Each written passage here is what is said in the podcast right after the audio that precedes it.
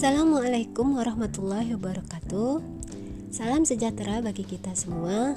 Perkenalkan nama saya Ade Julpina Fitri Peserta Latsar Kementerian Agama Angkatan 5 Kelompok 2 Podcast kali ini Mengenai akuntabilitas Kita mulai aja ya Akuntabilitas adalah sebuah konsep etika yang dekat dengan administrasi publik pemerintahan.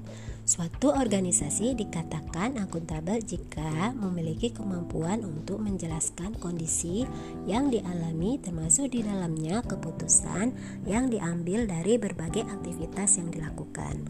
Akuntabilitas dapat merupakan pengetahuan dan adanya pertanggungjawaban terhadap tiap tindakan, produk, keputusan, dan kebijakan, termasuk pula di dalamnya administrasi publik pemerintahan dan pelaksanaan dalam lingkup peran atau posisi kerja yang mencakup di dalamnya mempunyai suatu kewajiban untuk melaporkan, menjelaskan, dan dapat dipertanyakan bagi tiap-tiap konsekuensi yang sudah dihasilkan.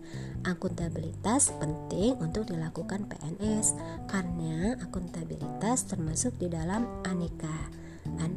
An aneka A. Akuntabilitas N. Nasionalisme E. Etika publik K. Komitmen mutu dan A. Anti korupsi yaitu nilai-nilai dasar yang harus dimiliki oleh PNS. Akuntabilitas PNS merujuk pada kewajiban setiap individu, kelompok, atau instansi untuk memenuhi tanggung jawab yang menjadi amanahnya.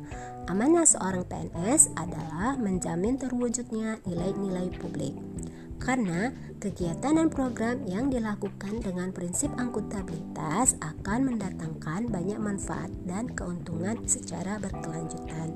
Oleh karena itu, wajib bagi kita sebagai PNS untuk menjalankan prinsip akuntabilitas sehingga menjadi PNS yang akuntabel karena mendatangkan banyak manfaat bagi individu maupun organisasi dan instansi sehingga visi misi instansi dapat tercapai.